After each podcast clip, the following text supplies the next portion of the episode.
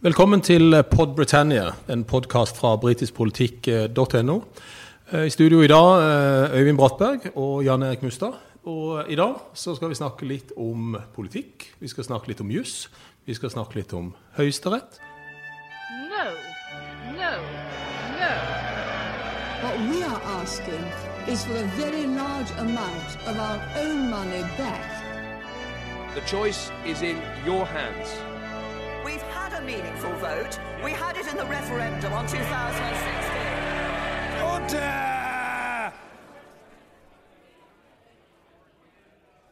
Vi skal snakke litt om dette forholdet mellom jussen og politikken, eh, som ikke er så vanlig i Storbritannia, Øyvind. Dette er vel kanskje et litt uvanlig og ukjent farvann. Vi har eh, sett at både politikere og eh, dommere har beveget seg inn i de siste ukene.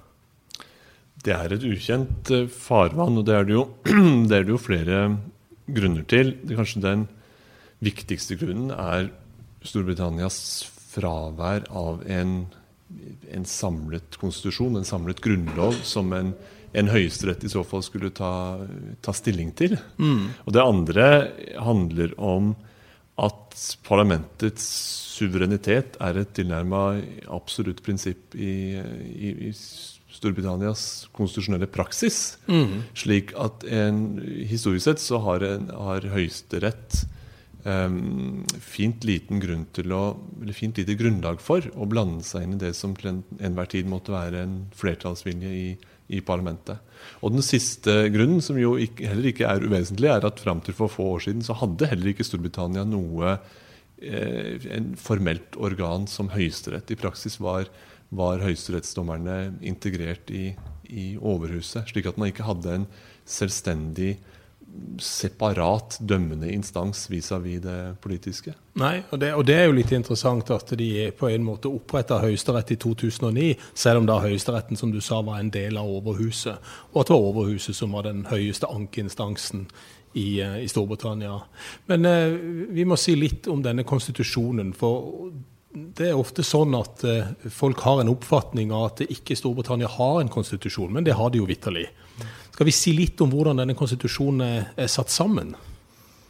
Det er jo en, en, eh, en, et pent knippe dokumenter som har grunnlovslignende posisjon, i hvert fall hvis man syr de sammen til, ett, eh, til, en, til en helhet. Eh, og så er det jo eh, konvensjoner, praksis og en del hva skal man si, en del dokumenter som ligger litt ett et trinn ned, som handler om parlamentariske eh, praksiser og sedvane osv. Og, så og til sammen så er dette en, en Det er jo en, en helhet, men det er en organisk helhet. Og, og den er ikke så umiddelbart og direkte tolkbar som et skriftlig konstitusjonsdokument vil være. På ingen måte. Det er et veldig stort sprang fra, fra den samlingen av um, innsikter, konvensjoner, praksiser, traktater osv. som, som, som britene har, og den grunnloven som f.eks. amerikanerne eh, holder seg med. For den på amerikansk side må man, si, må man kunne si er, er betydelig mer bokstavelig tolkbar. Ja, og det er lettere for Høyesterett kanskje i maktfordelingsprinsippet i USA å gripe inn, eh, f.eks. å erklære lover som ukonstitusjonelle, og at ikke de kan gå gjennom Høyesterett og dermed bli eh, lover, eller at lovene trer i kraft. Det, det har vi jo ikke i Storbritannia. Det er en veldig, det er en veldig stor kontrast. Det amerikanske systemet med checks and balances mellom tre uavhengige eh, statsmakter som skal veie mot hverandre. Det er det jo, det maktfordelingsprinsippet det er det jo, det er jo spor av det i, i vår 1814-grunnlov her hjemme også. I Storbritannia så kan man si ja og tja. altså Man har en, en, eh, en, en meget lang og stolt tradisjon knyttet til et, et uavhengig rettsvesen. Og også lovgivers uavhengighet overfor kongen, slik det historisk vokste fram. Men det er ikke sånn at, at man har en, et, et klart skille mellom lovgivende makt i form av parlament og utøvende makt i form av regjering. Snarere tvert om. De er jo sydd sammen i en, i et, en klam omfavnelse, Ja, det gjør det. Og det gjør det vanskelig å, å på et vis trekke opp et klart skille mellom institusjonene. Så vi kanskje eh, et eksempel på at eh, det kan være ønskelig med et sånt et skille, når vi så hva Boris Johnson gjorde med å suspendere parlamentet fra 9.9. Og han hadde da ønska å suspendere det til 14.10, og han hadde jo da fått ja av dronningen til å gjøre dette. Og så får vi da denne kjennelsen fra Høyesterett som sier at det var eh, ulovlig, konstitusjonelt ulovlig å gjøre det på den måten som det ble gjort. Eh, Vitner det om at vi kanskje nå beveger oss i Storbritannia mot klarere skillelinjer mellom utøvende, dømmende og lovgivende, sånn som vi har i USA? Mye tyder jo på at man, man, i At Storbritannia er på vei i den retningen. Definitivt. Og så deles jo Så, så splittes oppfatningen når man spør om det er en god ting eller en, eller en mindre god ting. For de som mener at det er en, en god ting, så er, handler det jo om dels om klarere ansvarsforhold, klarere ansvarsfordeling mellom ulike si, kilder til politisk makt. Mm. Og så handler det om å kunne sette ned foten og stoppe maktovergrep. Altså for de som stiller seg kritiske til Boris Johnson og hans eh, framferd, mm. så var det jo en, en lykkens dag da, da Høyesterett kom til denne konklusjonen, og Høyesterett var villig til å tre inn i det som er en politisk prosess, og si at her bryter du faktisk noen av, av konstitusjonens eh, grunnprinsipper ved å suspendere parlamentet i unødig, unødig lang tid. Mm. Men de som mener at det var en, en veldig uheldig ting, det som, som uh, Høyesterett gjorde, de vil, jo, de vil jo gjerne holde fast ved at dette, denne forutsetningen om fair play og denne smidigheten som ligger i at politikerne skal tillates handlingsrom til å finne ut av det, og parlament og regjering finner seg imellom ut av det, slik at de kan navigere gjennom vanskelig farvann. Man trenger smidighet og fleksibilitet. Mm. At det er noe, noe, av det som har kjennetegnet britisk statsskikk alltid. Og mm. noe av det som har vært blant dens fremste styrker, som gjør at man kan omstilles f.eks.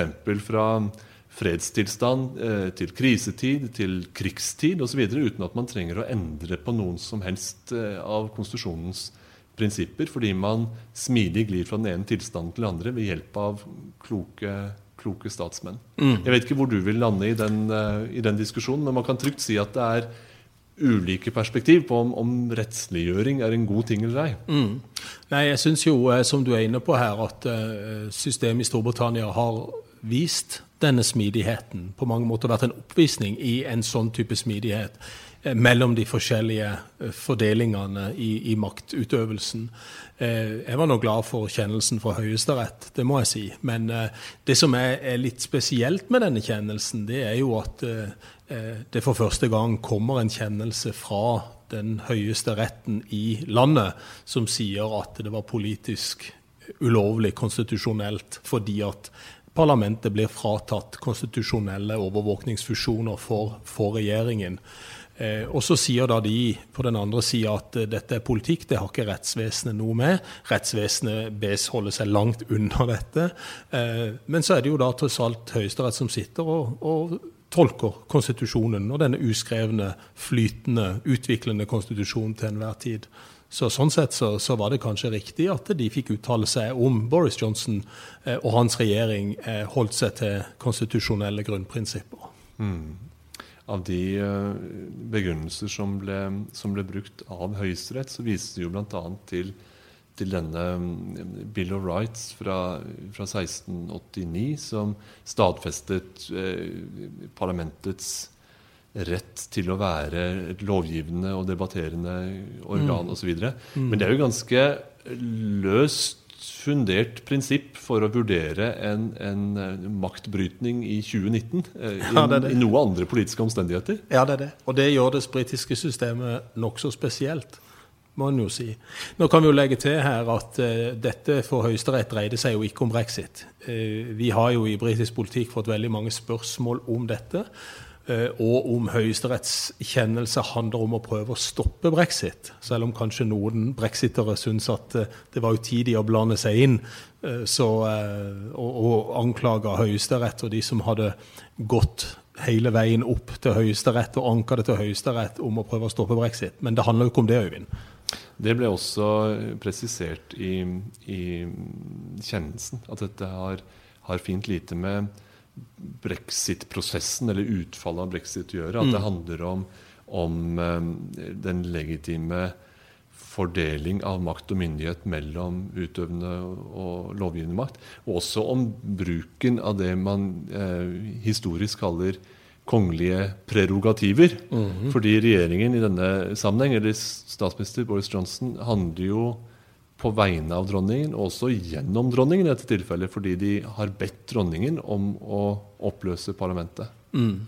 Og da kan jo på mange måter eh, Da, da, er, da er jo svaret gitt, siden dronninga ikke kan eh, blande seg inn i politikken, og, og monarken på en måte snakker gjennom statsministeren og regjeringen, så visste man jo at dronningen ikke kunne si nei.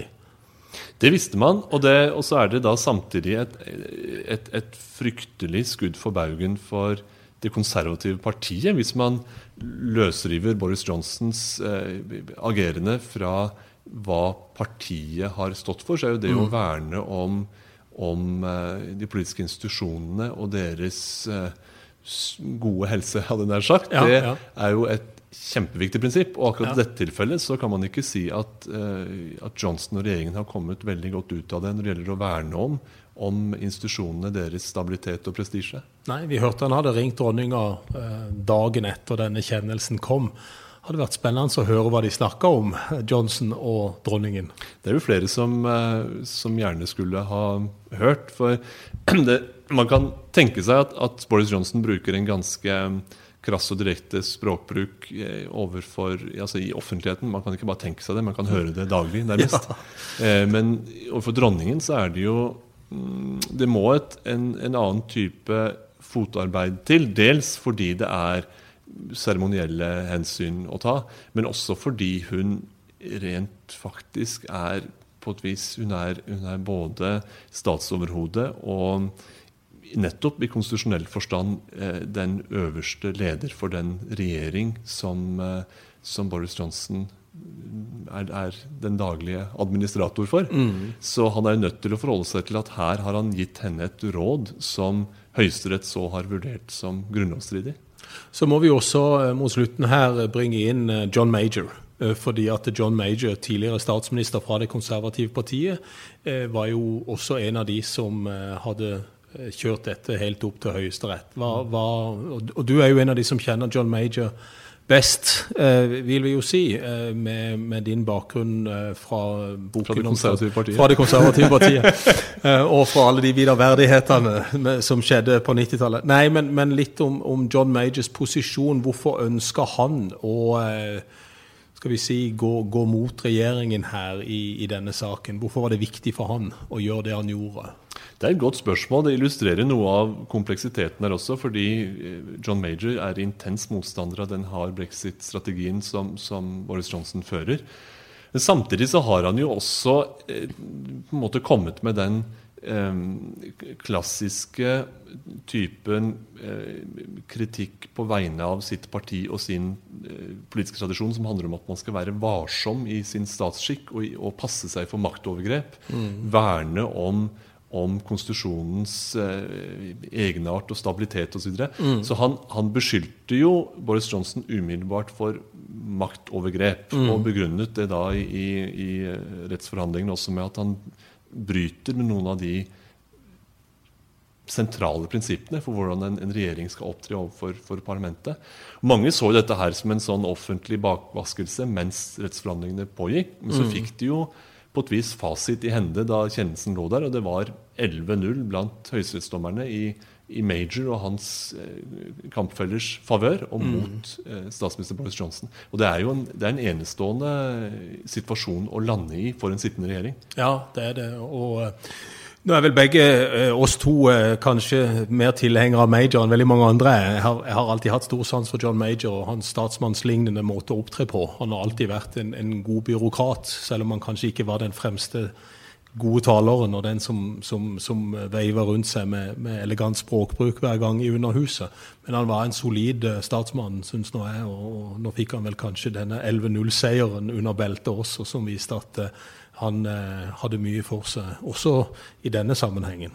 Jeg tror mange av oss vil, eh, vil holde hardt på en sindig statsminister som har en sirkusartist som far, snarere enn en statsminister som selv er sirkusartist. Ja, og det er vel det vi har sett nå i det siste. Hva, hva tror du dette ender med, hvis vi avrunder litt nå, dette forholdet mellom politikk og juss? Var det et engangstilfelle, tror vi? Tror vi at dette kan komme tilbake igjen med avvik av konstitusjonelle opptredener eh, fra en regjerings side. Vi vet jo at det kontroversielle brexit-spørsmålet ligger bak her, og vi vet jo kanskje alle den underliggende agendaen. Mange i, i britiske medier sier at dette var en one-off, eh, for å si det på godt norsk. Eh, mens andre mener at dette er begynnelsen på det vi var inne på i stad, nemlig at, at rettsvesenet kanskje kommer til å spille en, en mer sentral rolle også i politikken fremover. Jeg tror det, jeg tror det sistnevnte, at uh, Storbritannia, som mange andre europeiske land, eh, står overfor en, en uh, rettsliggjøring. Mm. Dels fordi man er bundet av, av, av internasjonale traktater og ymse rettighetsvern. Og dels fordi det nok vil bli en diskusjon om en tydeligere eh, konstitusjonell avklaring når eh, brexit-prosessen har roet seg. Fordi kampen om Storbritannias vei ut av EU har brakt frem en, en eh, brutalitet og, og, tilbøyelighet til politiske utfall og snarveier på alle sider av prosessen. Det har vi sett i parlamentet og med speaker John Burkow, hvor vi har sett det mellom regjering og parlament. Så behovet for en opprydning er ganske stort. Og i en sånn opprydning så vil også Høyesterett og Høyesteretts tolkning av konsesjonen være en, et løpende element å ta med. Så den nissen er med på lasset videre på ferden. No, no, no. What we are asking is for a very large amount of our own money back. The choice is in your hands. Meaningful vote. We had it in the referendum on 2016. Order!